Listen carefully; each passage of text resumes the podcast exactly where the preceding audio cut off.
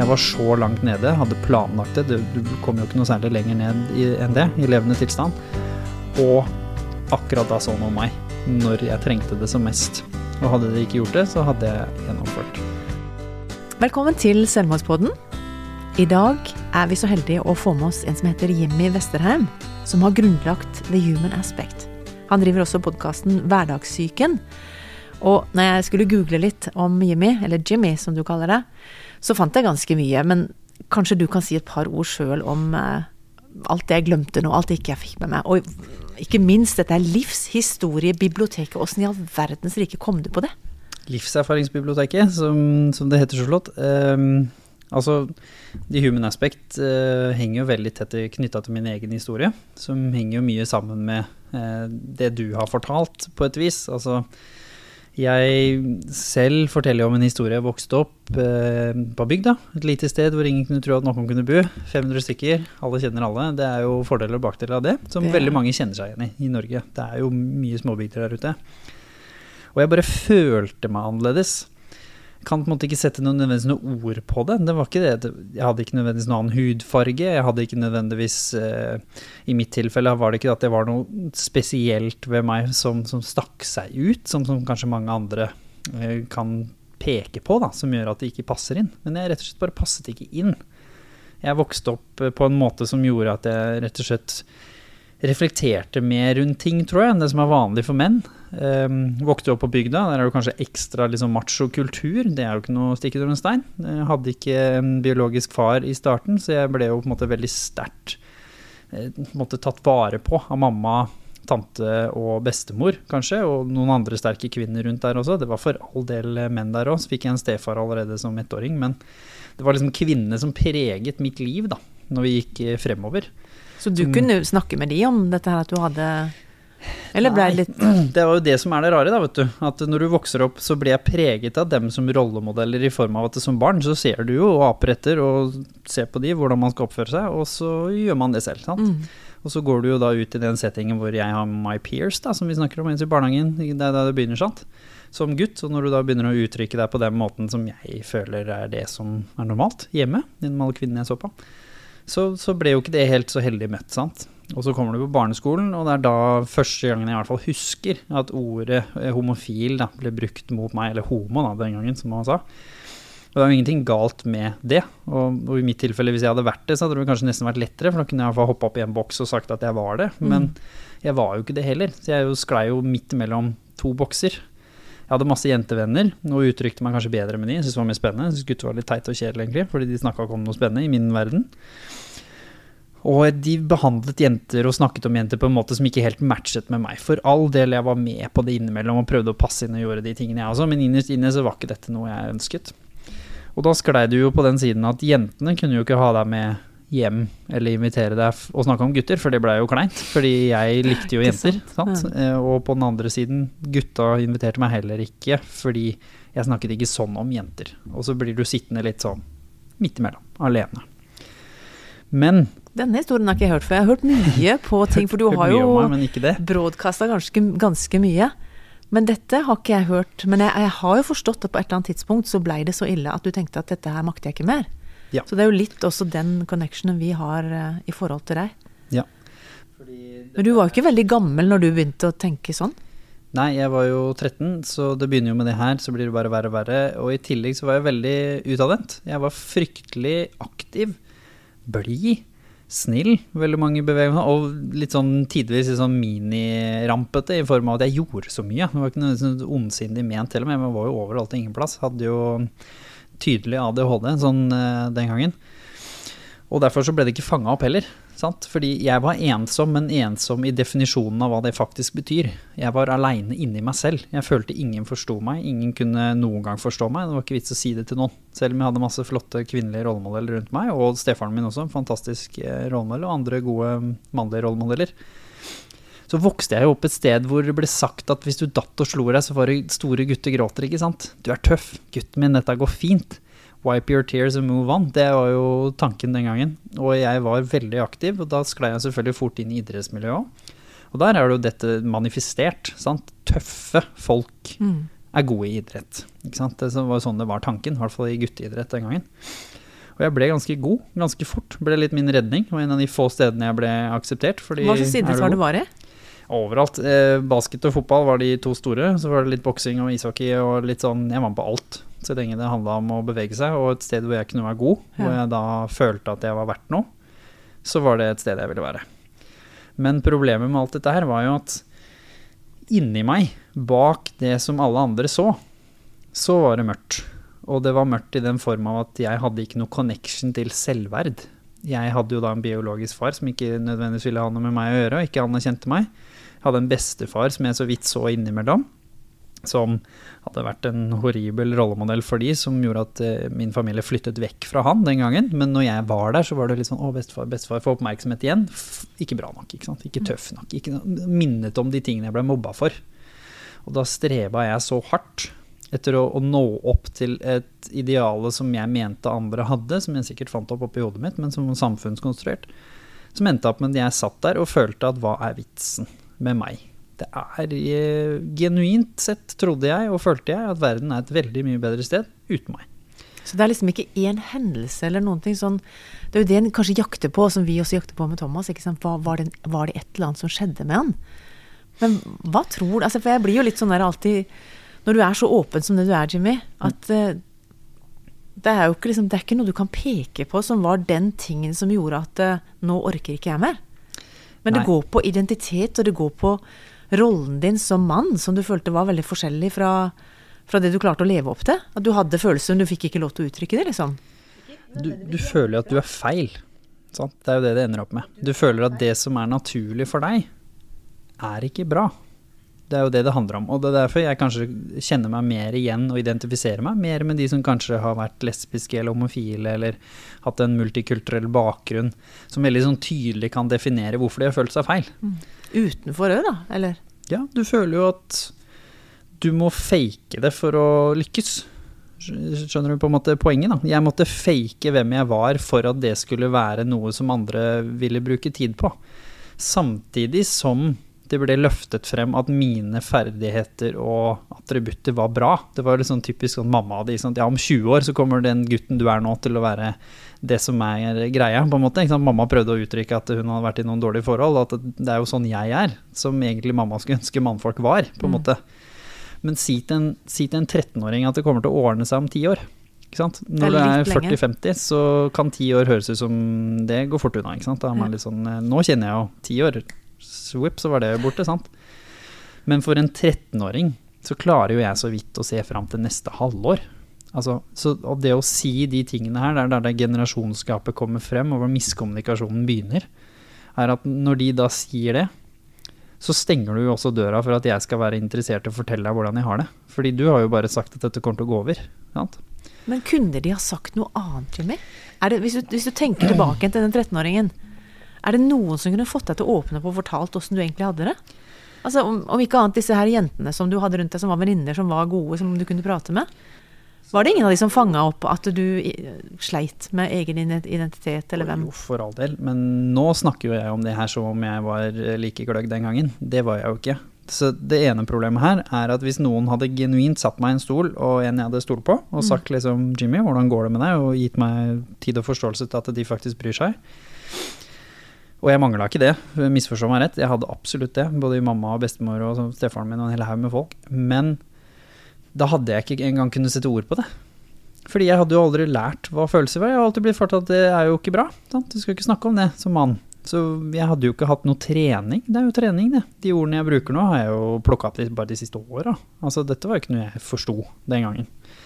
Så det er nummer én. Eh, Nummer to, selvfølgelig var det noe noen kunne ha gjort, men det blir etterpåklokskap. Mm. Sant? Selvsagt, når jeg ser tilbake på det nå, med den enorme kunnskapen og innsikten jeg har nå. Selvfølgelig var det det. Men det er jo også å sette det i den kulturelle konteksten av hvor det var. Det var ikke innlysende at jeg sleit. Jeg var jo utadvendt, og alle de stereotype tegnene til den derre klassiske emo-personen, hvis man skal liksom stereotype virkelig, som sitter der alene, som ser trist ut, som oppfører seg trist, som ikke har noe energi, som liksom Alle disse tegnene som, som man kanskje tenker at det er jo innlysende at den personen har det vondt. Mm. De var jo ikke der. For meg. Men hvis du kanskje hadde spurt en fagperson og latt den fagpersonen fått lov å observere meg i to uker i strekk, så er det jo tydelig at det hadde dukket opp. Men det er jo ingen som har det. Det er ingen som har en psykolog som følger etter dem overalt. ikke sant? heldigvis kan jo si det hadde jo vært litt sånn creepy. Heldigvis, kan man si. Men det er jo det at det, det er ikke noen sånn Hvis du skulle ha sagt noe til en 13-åring i dag, liksom For du er jo 13 år er ekstremt ungt. Ja. Og så hører vi stadig om yngre mennesker som, som tar livet sitt. Og husk at det begynte ikke der. Det, du våkner ikke opp en dag og plutselig har lyst til å ta livet ditt. Det går gradvis. Eh, for all del, det er noen som kan komme ganske kjapt inn i, men da er det ofte dramatiske ting som har skjedd. Nå, gjerne inn i noe vold og kriminalitet, enorm økonomisk byrde, du har svikta noen grovt, altså sån, sånne type ting. Men for de fleste så handler jo dette om over tid å ha prøvd å mestre livet, men du i dine egne øyne har feila. Og det handler veldig ofte om å ikke orke å leve mer, ikke ønske å dø. Det er jo en sånn typisk misforståelse. Ja. At du orka ikke mer. Og det som skjedde for meg som ble utløsende effekt under da alt som lå i bånn, det var jo at mamma eh, ble syk, og da en av de få som kanskje så meg litt for den jeg var, og som, som ga meg litt uh, god oppmerksomhet da, eh, på den jeg egentlig var, fikk jo da plutselig ikke energi eller tid til å, å gjøre det. Og hun visste jo ikke at noe var galt, så hvorfor skulle hun tenke noe på det? Og hun hadde nå kreft som hun stirra i øynene. Hadde jo nok med seg sjøl, Ja. forståelig nok. Men, og du skulle heller kanskje ikke bry deg sånn? Selvfølgelig du var en skal sånn du ikke det, når du står i person. det. Så det er den derre merkelige Hvis jeg sier noe, så er jeg svak. Du har ikke lyst til å være et større problem enn du allerede er, for hvis du er en som sliter, så ser du på deg selv som et problem fra før. Ikke sant? En er jo- belastning? Ja, og den vil du jo ikke øke. Og du vil egentlig si det til noen. Du vil jo at noen skal finne ut hvordan du har det, for det er jo det du egentlig vil. At noen skal se meg. Du sitter jo litt sånn 'hvorfor ingen ser at jeg har det ille', ikke sant. Litt sånn offerenergi. Mm. Men samtidig så vil du jo da heller ikke vise den siden, for da har du jo mislykket livet. Og du vil jo være en som, som vinner imot. Jeg hadde jo et sterkt konkurranseinstinkt. Jeg skulle jo liksom Dette skal jeg få til selv. Kommer fra en independent familie. Sant? Drømte om å flytte ut. Altså alle Jeg var jo en som utad også lykkes litt i livet. Var blant de beste elevene på skolen. Var ganske god i idrett. Noen idretter var jeg til og med best. Og det var ikke noen sånne tegn på at liksom, her er det en som sliter. Mm. Men inni meg så var det jo dødt. Jeg hadde avslutta da forholdet med min biologiske far, som er alkoholiker. Følte at jeg gikk rundt med skittent blod. Følte at jeg kommer til å bli som han, hvis ikke jeg passer på. Mm, Kan ikke stole på sånne folk, Mm. tenkte jeg. Ungdomsskolen tenkte nå skal livet bli hæla i taket. ikke sant? Kommer fra et lite sted, da er det jo fire bygder i samme skolen. Tenker du halleluja, endelig skal det bli bedre. Ja. Ble ikke det. Nei. Og da får du den derre klassiske bygger opp et håp, knuser det ned litt, sånn som korona nå. ikke sant? Nå skal vi snart eh, ta ned tiltakene våre, og så blir det halleluja igjen.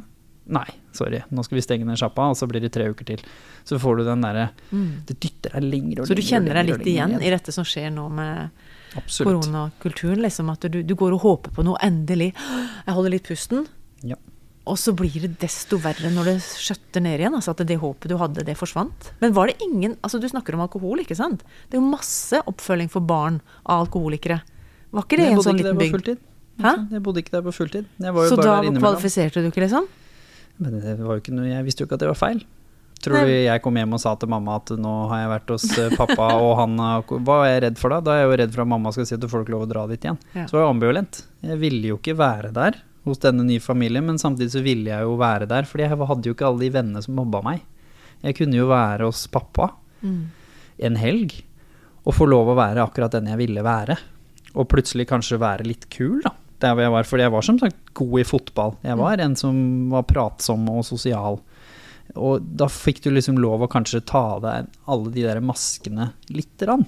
Så hvis jeg innrømte hvor ille det var til mamma, så hadde jo for alt i verden Mamma hadde jo sagt bare glem det, ikke sant. Og det Mm. vet jeg jo. Så igjen så faller du inn i en sånn der gruve med at du skal ikke si ifra, for da er du svak. Altså, klarer du ikke å takle at faren din drikker litt mye, liksom? Hvem er du for en eh, pingle? Og det andre er litt sånn, skal du gå og sutre til mamma nå? Blir pappa sint? Blir det tatt fra meg? Ikke sant? Alle Var du enebarn, du, Jimmy? Jeg hadde en søster, ja. til stefaren min og, eh, og mamma, som Ja. jeg vokste opp med, som en søster. Og så Jeg bare tenkte litt om dere kunne ha snakka sammen om de tinga, liksom. Eller ble ikke det heller gjort? Tre år, forskjell, veldig forskjellige personligheter. Ganske uaktuelt okay. der og da. Og igjen, hvorfor skal jeg snakke med en jente? Jeg var jo gutt. Dette, da ville jeg jo være svak. Jeg hadde nok av jentevenninner jeg snakka med om, men aldri om hva jeg sleit med. Kjente du noen på den tida som snakka om at de var lei seg, eller som kanskje grein, eller som Var det ingen gutter som viste følelser? Eller var det noen på skolen som snakka om disse tinga? Altså, ble det ikke fanga opp noen ting? Nei. Og det er jo lett å tenke nå at dette er 20 år siden, så det er derfor. ikke sant? Ting har blitt bedre. Det har det jo ikke. Det, ting har blitt bedre på veldig mange områder, ja. Men presset har jo økt. Og hvis jeg var 13 år den gangen Nå er det jo flaks at jeg fortsatt lever. Jeg hadde jo svært nøye planlagt mitt eget selvmord, og skulle da på den uka fram til jeg skulle gjennomføre, hadde jeg flaks at to personer fanga det litt opp, som gjorde at når jeg skulle da reise til Oslo og gjennomføre dette her, så hadde jeg kommet bitte litt med andre tanker. Og jeg hadde først og fremst flaks at jeg bodde på bygda, fordi jeg var livredd for å drite meg ut i forsøket, som veldig mange menn er. Så endte det opp med at jeg fikk jo ikke gjennomført, sant? Mm. Som gjorde da at det ble bedre. Men problemet med alle disse Men sa du noe til de som på en måte hjalp deg, eller var det bare litt sånn vagt at du skjønte at nå måtte du utsette dette? Det handler bare om å bli sett i en tid hvor du ikke følte deg sett. Men det er jo ikke noe fasitsvar. For det var jo ikke sånn at de ikke så meg to uker før. Det gjorde de jo sikkert. Men, Men du opplevde at du ble sett? Ja.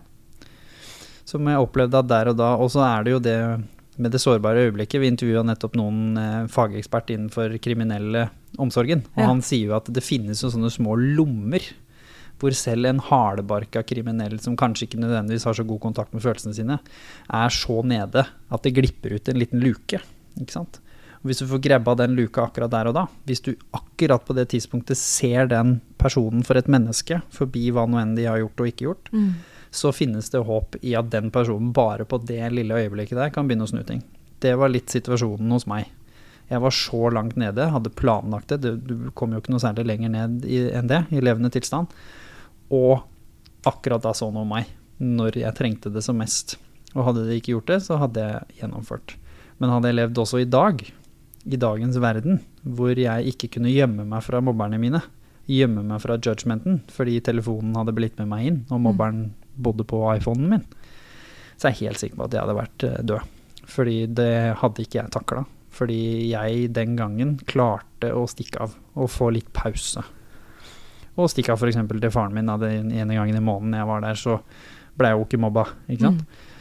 Og de lommene har ikke ungdom i dag, som kanskje er det mest bekymringsverdige, og generasjonsgapet, som også var et problem når jeg var ung. At de som fanget opp at jeg sikkert sleit, og jeg åpnet meg lite grann, de møtte det med 'det kommer til å ordne seg'. De møtte det med det voksne perspektivet at hvis du bare gir det litt tid, så kommer det til å gå bra. De Mm. tingene du syns er veldig vanskelig nå, det er jo filleting, og det er det jo. Når jeg ser tilbake på det, så er det sånn herregud, hva er det du klager over? Jeg har bodd i Afghanistan i et år, sant. Mm. Altså, det kan ikke sammenlignes.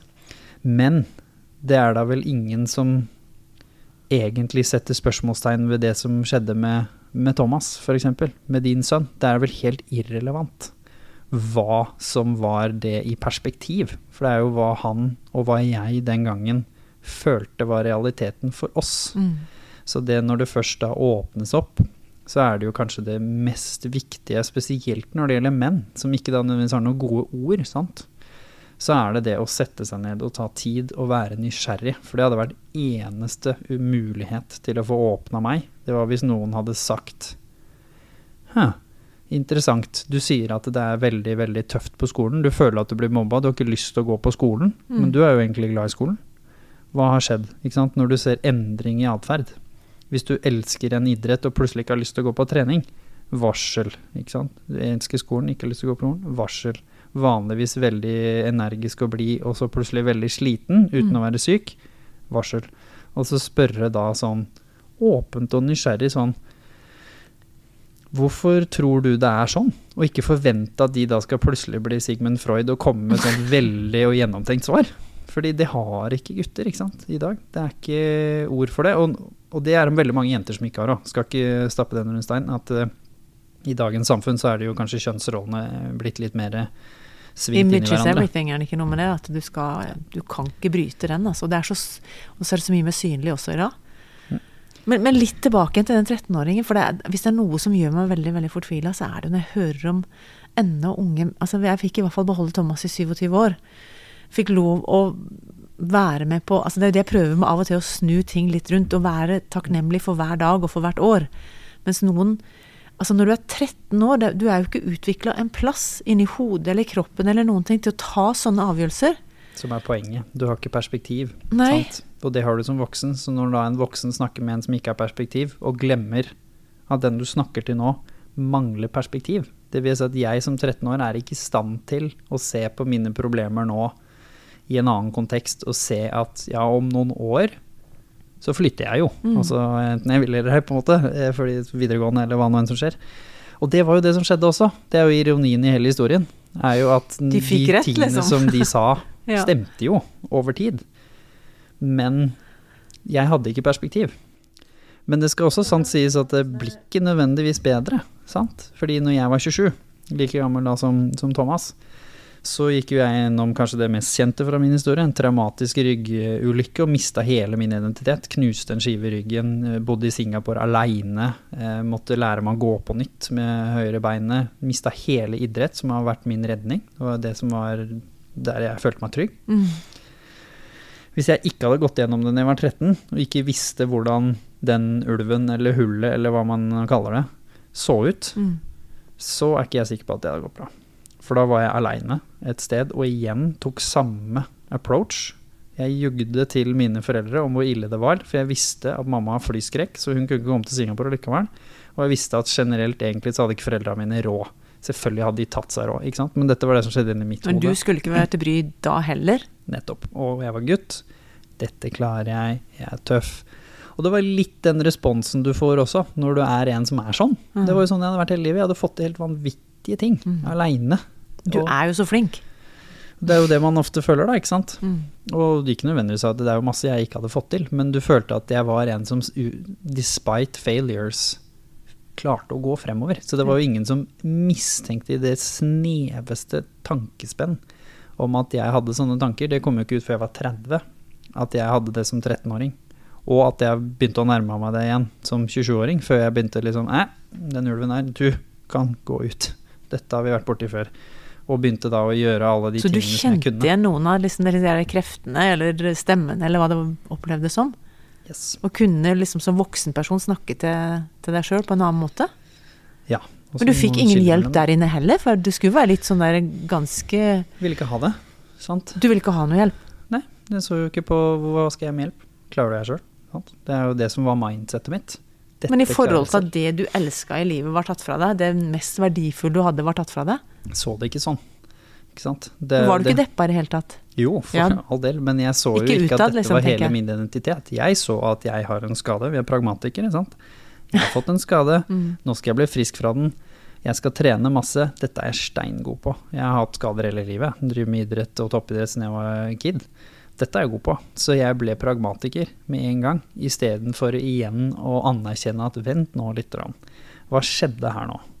Nå har du mista hele din identitet. Igjen høres jeg ut som jeg er kjempereflektert nå, men jeg var jo ikke det da. Det er jo det som er problemet med å se tilbake på ting, sant. Så da havna jeg rett ned i den kjelleren igjen, og jeg har mistet bestemor til kreft, jeg har vært i krig jeg, altså, Det er jo mange ganger man har svingt innom og titta ned i det hullet og tenkt at der var det fint, sant? som du beskrev så fint i intervjuet ditt når vi intervjua deg i stad. Det er jo så varmt og godt og Mm. lunt og fint nedi det hullet, sant. Men jeg kjente det igjen, og det skremte meg heldigvis nok til at jeg begynte, i hvert fall med meg selv, da. Igjen, ikke søkte hjelp, men i hvert fall begynte med meg selv å gjøre de tingene jeg visste distraherte meg. Så hvis du hadde spurt en psykolog, så var det nødvendigvis ikke de smarteste tingene på jorda. Men jeg distraherte meg selv nok til å komme til et sted hvor jeg da hadde det bedre. Mm. Og da er det jo ikke disse selvmordstankene kanskje like fristende. Sant? Så hvis du hadde spurt analysert alle som tok sitt eget liv i fjor, så kunne vi jo antagelig sett at 40% av dem kunne vi hjulpet med en gjeldsrådgiver. Sant? Så Ja. smukk, smukk, fiksa det problemet, så hadde de sluppet å tenke på det.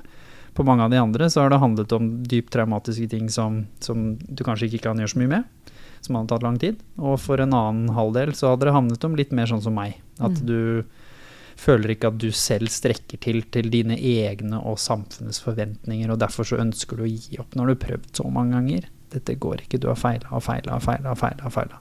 I dine egne øyne. For det er der veldig mange kjente meg igjen når du beskrev i stad også. Han var jo så Ikke sant? XYZ. Dere kanskje så Det er det bildet som alle andre har. Ja. Og så har du et helt fullstendig annet bilde sjøl. Men det er jo riktig bilde også. Sant? Hvilket av de? Begge to. Det er jo jo riktig at uh, Thomas var Fordi dere, deres image av han er jo like mye relevant som hans eget. Men det som er at disse forventningene man har, det er jo du som selv bestemmer hva som er en failure. Mm. Sant? Søsteren min, da, som har slitt mer på skolen, skal på en måte ikke overutlevere henne, men hun slitt litt mer på skolen, av naturlige årsaker. Som gjorde at hvis hun fikk en toer eller treer i det faget hun sleit mest med, så var jo det hallelujastemning og kake. ikke sant? Mm. Mens hvis jeg fikk fem, til og med fem pluss, i det faget som jeg var naturlig stjerne i, så var det en failure. På samme måte som om hun faktisk hadde strøket, Mm. for å sammenligne. Så hvem satte den linja der? Du selv setter Du den linja der. Du ble ikke pressa fra Det virker jo ikke sånn at eh, de mor som du hadde mest med, satt at hvis du kommer med noen dårlige karakterer, så smeller det i bordet og alt mulig sånn. Så Nei. du må ha et veldig, veldig høye krav til deg sjøl hele tida. Men det er jo det du har når du ikke føler at du er bra nok. De Men det er liksom, hvor kommer det fra, egentlig? Nå blir vi jo veldig dype her, da, men det er, liksom, Men det er jo følelsen av at det ikke var bra nok. Sant? Biologisk far som ikke vil ha deg med noe å gjøre, men jeg hadde stefar. Ikke sant? Så derfor så, så ikke folk problemet. Ikke sant? Fordi jeg levde ikke i, uten han. Eller du har en snill mor, ikke sant, som på For all del. Og så var det da denne bestefaren som ikke ga deg den oppmerksomheten du skulle, og så fikk du den igjen. Og så var det en ny bestefar som bodde der hvor du bodde. Og når eh, bestemor døde av kreft da jeg var ung, så plutselig så ga ikke han deg oppmerksomhet, og så liksom begynner det å balle på seg. mm. Så blir du mobba på skolen, så er du ikke bra nok der. Så er du ikke bra nok, eh, føler du selv hjemme. Det er ikke objektivt riktig, men det er subjektivt riktig. Ja. Og så begynner dette her å Og så er du en følsom gutt. Ja, men jeg er også en beinhard gutt, ikke Ja. sant, som var det rare. Jeg, hvis du spør noen som har drevet med idrett med meg, så beskriver de meg som noen de var redd for. Altså sånn, ikke sånn farlig skulle slå deg redd for, men jeg var et monster på banen. Jeg var det ultimate definisjonen på macho på banen. Jeg var beinhard. Mm. Gråt nesten aldri, knallhard i taklingene, tålte mye. Og stor og sterk, og på en måte disse stereotype definisjonene. Men samtidig super eh, reflektert, og likte de dype samtalene med da, den gangen mest eh, jenter, og gjerne eldre. Hvordan skal du i det hele tatt klare å romme de to i samfunnet når du føler at alle andre er A eller B? Mm. Selv om det er jo ikke sant det heller, men det er det du ser. Sant? Enten så er du den harde, kule, tøffe gutten, eller så er du pingla som blir mobba. Hvem har du lyst til å være? Ikke pingla som blir mobba, i hvert fall. Så da jobba jo jeg veldig hardt for å ikke være den. Men jeg ble mobba likevel, men jeg var ikke pingle. Så det var liksom litt sånn midt imellom, da. Og så var jeg dritkul på idrettsbanen, og så var jeg da mobbeoffer i garderoben igjen. Men når dette skjedde når du var 27, var du i den der mobbeofferet i garderoben i den settinga også, eller var det en, en god periode for deg? Da var jeg jo stjerna. Ja. Jeg hadde jo flytta til Singapore. Jeg levde jo drømmelivet til alle vennene mine. Men igjen, alle vennene mine sitt drømmeliv. Jeg var ekspat, jobba for Fredriksen, var 27 år. Tjente for lenge siden mer penger enn hele familien min til sammen. Hadde begynt å tenke på skulle endelig hjelpe de med å bli gjeldsfri. Skulle hjelpe søsteren min som kanskje ikke liksom hadde fått det så bra. Skulle kjøpe ting. Og så var det et mindset hvor liksom endelig skal jeg kunne gi tilbake til min familie som Jeg følte at du skilte dem nå, liksom, eller var det bare Det gleden av å kunne være med og Suksess, det er jo Ja. gledelig. Det er jo det vi streber etter, sant. Mm. Det er jo det blitt fortalt. De har jo blitt fortalt av sine foreldre som er post-krig-survivors. Du må jobbe hardt, du må tenke på utdanning, og så må du lykkes med livet, for da klarer du deg bedre enn meg. Og så har de vokst opp med det, og så har de sagt det samme til oss, Mm. underbevisst. Ingen som fortalte meg det, ingen som pressa meg. Men du fikk jo bare skryt når du gjorde det bra. Du fikk veldig skryt når du gjorde det bra på skolen. Litt skryt når du gjorde det bra på idrett. Så det som egentlig betydde mest for meg, idrett, fikk jeg ikke så mye skryt for, men når jeg gjør det veldig bra på skolen, veldig skryt for. Mm. Og da begynner jo jeg å fortelle meg selv at ja, men da er det vel skolen som er greia, da. Og så må jeg jo få til det, og så må jeg jo få meg en jobb. Og så har jeg jo ikke vokst opp i fattigdom, det er virkelig feil å si. Jeg har aldri mangla noen ting, Mm. sånn sett. Men jeg er oppvokst i en familie hvor vi alltid har hatt fokus på penger, i form av å gjøre det beste ut av det. Det var aldri mye. Det var ikke noe overflødig noe sted. Så da selvfølgelig forbinder du det med at hvis jeg tjener mer en gang, så kan jeg gi familien min og alle de rundt meg det vi ikke fikk, som Ja. vi kanskje drømte om. Sant? Og da begynner dette å balle på seg til en verdensvirkelighet som du ikke strekker opp til. ikke var du redd for det også, når du, når du uh, fikk den skaden i ryggen? Var du redd for at plutselig nå mislykkes jeg, idrettskarrieren min går i dass, og økonomien min kommer til å gå i dass? For jeg, altså, eller Det fascinerende er at jeg tror at veldig mange egentlig ikke er redd for å mislykkes. Vi er redd for å lykkes. Vi er redd for det motsatte enn det vi tror. Fordi det å mislykkes, det har vi gjort alle sammen mange ganger. Det går jo stort sett fint. Ja. Men det å virkelig lykkes er skummelt. Fordi hvis du anerkjenner hva du virkelig kunne ha fått til, så er du konstant en failure i dine egne øyne. Sant? Så Nå er det det- nesten for dypt for meg en gang. Jeg prøver å følge det. Ta den setninga en gang til. Sånn som for meg, da, hvis du virkelig anerkjenner hva du er i stand til å få til. Ja. Ikke sant? Fordi hvis jeg evaluerte meg selv, og det har jeg vært god til pga. idrett, så har du blitt vant til det. Sant? Å se hvor du er, og hvor er de som er bedre enn deg, og hva må du få til for å komme dit og sånn. Så hvis jeg analyserte hva jeg virkelig kunne ha fått til i livet, så vil jeg konstant være en failure i mine egne øyne, for den lista er så høy. Og det er derfor, men høy for meg, på lik linje som at hvis søsteren min følte seg med som en failure, så kanskje hun var 10 cm under lista, akkurat samme som meg. Det var bare at lista mi i samfunns sine øyne var en meter høyere enn hennes, for å sette det i kontekst. Ja. Og derfor så var jeg like mye failure i mine øyne som søsteren min var. Men for alle andre så var jo jeg den som alle ga mamma og pappa skryt for. For de bare 'herregud, det er sønnen din, jobber han for Fredriksen, jobber han i utlandet, jobber han for Leger uten grenser, har han starta egen greie, jobber med psykisk helse'. Skryt, skryt, skryt, skryt hele veien. Men jeg satt jo fortsatt like tom og følte at jeg egentlig ikke fått til noen ting. Jeg må jobbe beinhardt i morgen også, for hvis ikke så har jeg jo ikke fått til noen ting. Sant? Fordi man har da et sånn forskrudd eh, bilde av hva prestasjoner er, og du har ikke noe selvverd i bånd, som er den at jeg er først og fremst et ganske godt menneske, Mm. og så kan jeg få til alle de ting her. Som en sånn bonus. Men jeg hadde ikke den først og fremst et godt menneske. Jeg har nok alltid forstått at jeg er et godt menneske i form av å være eh, snill, hvis vi skal liksom kalle det det. Og en som brydde seg, for det har jo blitt fortalt og vist på en måte hele veien. Men jeg følte ikke at jeg nådde opp til det potensialet jeg hadde, og det jeg kunne få til. Mm. Fordi jeg følte aldri at det jeg så på som positive egenskaper som mann og gutt, var plass til. Så derfor så, uansett hva jeg gjorde og ikke gjorde, så var jeg fortsatt ikke bra nok. I mine egne øyne. Men hva hjalp deg, Jimmy? For nå, nå ser jeg jo at dette ble en episode om din story, og hvis det er noe jeg setter pris på, så er det jo å få litt innsyn i hvordan en ung mann og en ung gutt tenker. Så da ble jeg også litt sånn på slutten av det, for jeg tror vi må ha en liten episode til hvor vi bare snakker om the human aspect og podkasten din og veien dit, liksom. Men hvis du skal avslutte med noen ting, og bare si hva som Hva var det som hjalp deg, da? Du sier at det hjalp deg at du hadde vært der før, og at du denne gangen når denne tragedien egentlig skjedde med deg, langt hjemmefra, og du var altså da, da sier du at det hjalp deg at du hadde vært igjennom dette før, du visste at du kunne kanskje komme deg videre. Men var det noe menneske som hjalp deg? Var det noe Hvorfor sitter du her i dag og er den flotte, oppegående mannen som brenner for å hjelpe andre? Det er hyggelig at du sier det. Um, først og fremst så sitter jo jeg her i dag av litt tilfeldigheter, men de fleste som fortsatt sitter her i dag, som ikke har endt opp med å, å gjennomføre, de har, gjør jo det med en blanding av tilfeldigheter, og at der og da, når timingen var riktig, så ble noe riktig gjort. Men jeg tror ikke noe på nødvendigvis å overanalysere det for at det skal gjenta seg, fordi det som det handler om for meg, er av at noen der og da, når jeg trengte det, uansett hvor det var, om det var på helsestudio og noen så meg, om det var fysioterapeuten min jeg snakket med, eller om det var en familiemedlem eller en bekjent.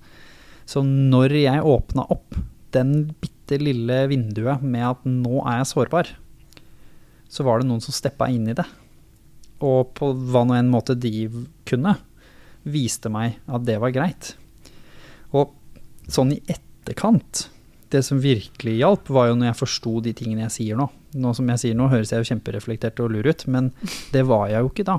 At jeg forsto at selvverd og selvbilde og selvtillit er tre forskjellige ting. Hvis noen hadde lært meg det på skolen, som gjorde at jeg forsto at hvis du presterer godt på fotballbanen eller får en god karakter og tar med den hjem, så bygger den på et eller annet du har fått til. Som er bra eller dårlig i dine Mm. egne øyne. Men det har ingenting med din verdi å gjøre. Du er ikke en annen person for det om du er flink på skolen eller ikke flink på skolen. Så du tenker Så jeg- at disse tingene bør inn i skolen tidlig? Ja, det kan vi også sikkert ha en egen episode om. Ja, det jeg Men ja, det. Mm. eh, hvis jeg hadde visst disse tingene og forstått vanskelige følelser og hvordan I det hele tatt, nummer én, føle de. Nummer to, forstå de og være nysgjerrig på de. Og nummer tre, gjøre noe med de. Mm. Så hadde jeg jo aldri havna i det, altså, det planleggingsstadiet som, som jeg var. Og nå når jeg ser tilbake på det, bare det med den grunnkunnskapen ville jo endret alt. Men det er også, i mitt tilfelle, da, forståelsen og tryggheten av at jeg har selvverd nok nå, og også selvtillit nok, sånn sett, til at jeg ikke lenger bryr meg så hardt om hva alle andre syns. Mm. Om Du det er børster litt av det? Ja, og det kom jo selvfølgelig fordi jeg hadde også putta meg selv i en posisjon hvor jeg kunne gjøre det. Så det er jo ikke alle forunt.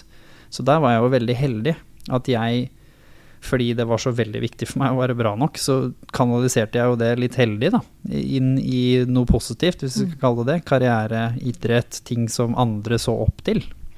Og plutselig får du meldinger av mobberne dine at de ser opp til deg, på en måte, fra bygda, som, som da fortsatt kanskje sitter fast der, da, eller ikke nødvendigvis har fått gjort det de mener de skulle ønske de fikk til. Og så sitter du der litt sånn og forstår at ja, nå er jeg i en posisjon hvor hvis jeg er følsom nå, det jeg ble mobba for før, som jeg var da redd for å vise igjen, for da var jeg redd for å bli mobba igjen, har jeg nå plutselig plass til, fordi jeg har bygd meg opp eh, liksom, hva skal vi kalle for noe, penger i banken, eh, i, i samfunnsbanken, om at eh, nå har jeg en viss status som gjør at jeg kan si disse tingene uten å være redd for å bli mobba. Men det er til, igjen, det er ikke alle forunt, og det er litt tilfeldig. Så jeg skulle ønske noen kunne fortelle meg at det burde du gjøre uansett. Fordi hvis du da faktisk gjør det, og konsekvensene er negative For du skal ikke leke med at jeg hadde blitt mobba åkkesom, mm. uansett om jeg var trygg i meg selv eller ikke. Så hadde jeg i hvert fall hatt det bedre inni meg. For da hadde jeg ikke gått og følt at jeg bar på masker. Hadde jeg stått i og vært følsom rundt det med faren min og de problemene jeg hadde der. Hadde jeg stått i at jeg ble mobba og vist det mer åpent til venner, til mamma, til hva nå enn mennesker rundt meg som var klar for å ta det imot, så hadde det jo vært ekstra ille der og da. Men over tid så hadde jeg jo også fått større forståelse for de følelsene det fører til, og ikke vært så redd for dem. For jeg var jo redd for de fordi jeg visste ikke hva de var. Og når du plutselig da kommer inn i selvmordstanker, konkrete ting, så er jo det griseskummelt. For da begynner du å forstå at det har vært såpass ille at du, du tenker på ting som man kanskje ofte kunne tenkt at når du hørte om det, eller så noen andre snakke om det, eller hørte om et selvmord kanskje i media, eller noe sånt, så tenker du sånn herregud, det hadde aldri skjedd meg. Ikke sant? Den tanken med at det er jo sikkert en som har slitt hele livet og ikke vært så heldig som meg, og, og liksom hatt en litt annen bakgrunn, da. Tenkte du at det var egoistisk når du satt og tenkte det? For det er det jo mange som har en egen tanke om. Du gjør ikke det der og da. Eh, det tror jeg nok eh, svært få gjør. Jeg har jo intervjua veldig mange som har vært der, og som har overlevd, på en måte, på litt sånn mini-mirakuløse eh, måter. Og det er veldig få av de som sier det, så de sier nok mye det samme som meg. Som er at der og da så ser du jo på deg som supersnill. Fordi jeg genuint følte jo at hvis jeg gjør det, så vil de rundt meg få det bedre. Da er jeg ikke en byrde for mamma. Hva er setningen ikke der? der. Hvor kommer den fra? Det er helt menneskelig, på en måte. Og det er derfor det er viktig å snakke om det. Og også snakke om at det er ikke farlig å føle det. Og det skal du kunne si uten å skamme deg. Fordi du skal kunne si at vet du hva, jeg føler nå at jeg er så mye i veien.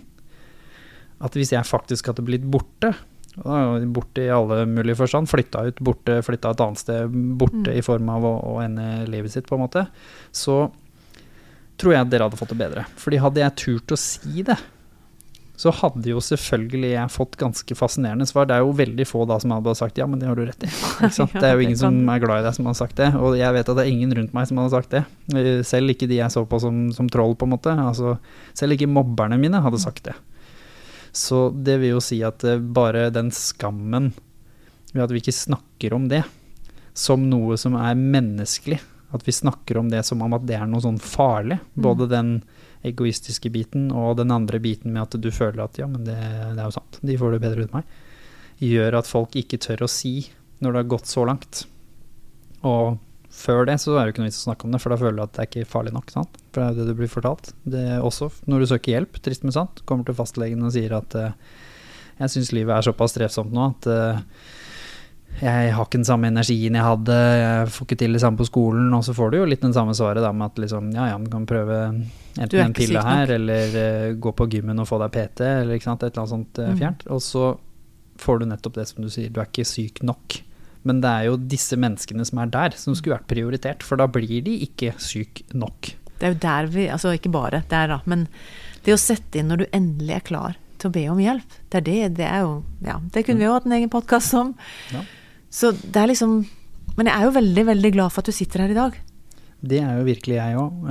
Og og jeg er også glad for at du sitter her i dag, som da tør å ta med deg den bakgrunnen som du har. Fordi vi representerer to forskjellige perspektiver, som vi også har gjort med. Nina, som vi kjenner sammen. ikke sant? Nina og du representerer perspektiv med hvordan er det å ha sett det fra siden, og, eller ikke sett det, i deres tilfelle. Og hvordan er det da etterpå å sitte med det enorme spørsmålet. Og hvordan er det for meg, som har sett det fra da Thomas sin side, uten sammenligning for øvrig. Og hvordan er det da at vi kan kombinere de to til å sørge for at det kommer kunnskap ut der som gjør at man Det er ikke noe fasitsvar, som jeg sier når jeg holder foredrag, eh, og jeg er kanskje litt sånn mer eh, tøff noen ganger enn andre, fordi jeg har vært der selv, så jeg vet at det er ikke nødvendigvis farlig å si de tingene heller. Så er det det at det er ingenting du kan si, det er ingenting du kan lære, som kan hindre et selvmord. Fordi det, in the end of the day så er det personen selv og dens subjektive oppfatning av verden som kommer til å bli avgjørende for hvor dette skal bære hen. Men det er en hel haug med ting som du kan lære, som du kan gjøre og som du kan være, som kan minske risikoen, og som kan være med å påvirke denne subjektive verden dette mennesket sitter med, da. Som da er jo disse klassiske tingene som i mitt tilfelle egentlig baller sammen til det én ting, som handler om å tørre å se andre mennesker. Og i dagens tidsstressa verden, ta deg tid til det. Fordi hvis du spør meg hvordan jeg har det på en SMS, eller du spør meg hvordan jeg har det på en Snap, eller enda verre, spør meg face to face, men er på vei til å bevege deg et sted, eller titter ned på Instagram mens du spør, på en måte, så lager du ikke noe rom heller for at jeg skal kunne fortelle. Og hvis jeg har det bra, så, jeg, så svarer jeg deg sikkert. For da Mm. tenker jeg at ja, ja, men om du sitter ned eller ikke, så er jo ikke det så farlig, for jeg sier jo at jeg har det bra. Men hvis jeg ikke har det bra, og du på ingen måte viser at du har rom for å ta den som i min verden er en enorm byrde, som jeg føler at jeg måtte snakka med deg en uke for at du skulle forstått, fordi det er så kompleks, så kan du bare glemme det. Så hvis du faktisk får til det å det å se noen er kanskje viktigere enn eh, Det er bare rart du sier det. Hun eldste hos meg sa jo det i begynnelsen etter det med Thomas. Mm. Hun snakket om, altså Når vi skulle ha navn på boka eller navn på podkasten, så var hun inne på 'jeg, ser det'. Mm. Altså på den der, Det er jo en, en sånn sørlandsk eh, uttrykk, liksom 'jeg ser det', og Thomas sitt blunk, ikke sant? Mm. Men, men det å bli sett Jeg tror du er inne på en kjempeviktig ting, jeg. At en, en kan ha 100 år med utdannelse, eller en kan ha så fine titler som bare det, men, men det å faktisk se hverandre Verdens beste psykolog eh, kan ikke redde noen som ikke vil bli redda. Og først og fremst så vil det være en større potensiell positiv virkning å genuint bli sett i dette sårbare øyeblikket hvor du er klar for å bli sett, enn noe annet. Og da kan det like så godt ha vært en venn, en mor, som en psykolog. Det er nesten litt tilfeldig der og da, men det handler bare da om å faktisk være såpass til stede at når det øyeblikket dukker opp, så merker du det litt, på en måte.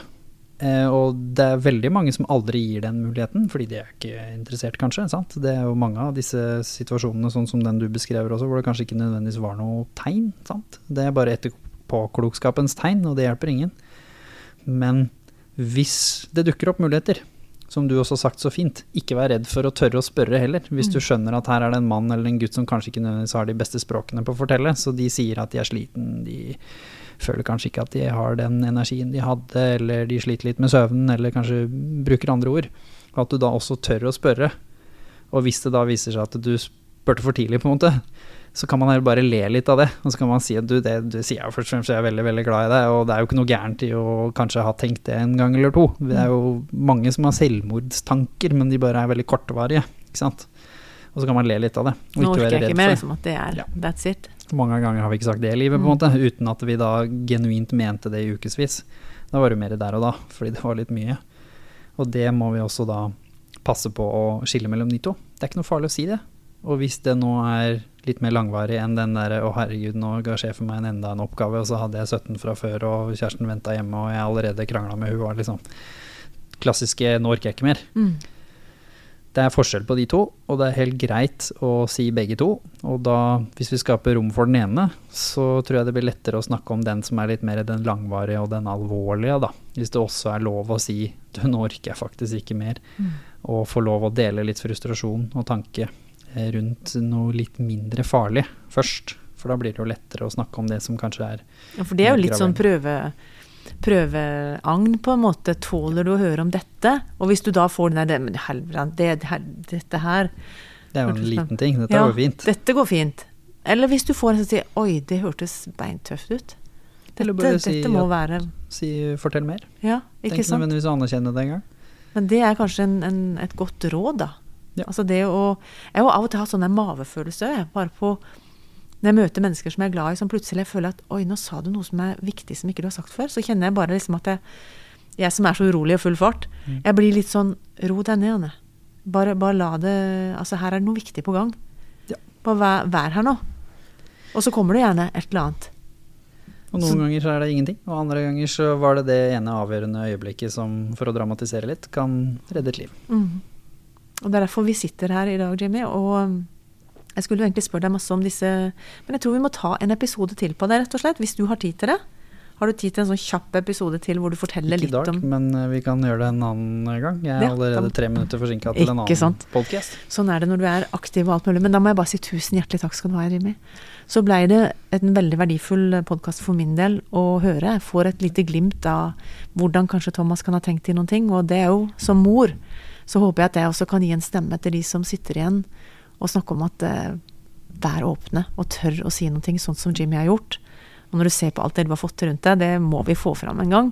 Og i hvert fall skal vi komme ut og dele på Selvmordspodden eh, en del av de episodene som du har lagt ut. Så lykke til videre, og tusen hjertelig takk skal du ha. Tusen takk selv. Helt til slutt har jeg lyst til å fortelle hvor du kan få hjelp. Kirkens SOS er en døgnåpen krisetelefon. Det samme er Mental Helse. Leve, Landsforeningen for etterlatte ved selvmord. Legevakten 116 117. Kors på halsen, Røde Kors sitt tilbud. Det er en samtaletelefon for barn og unge under 18 år.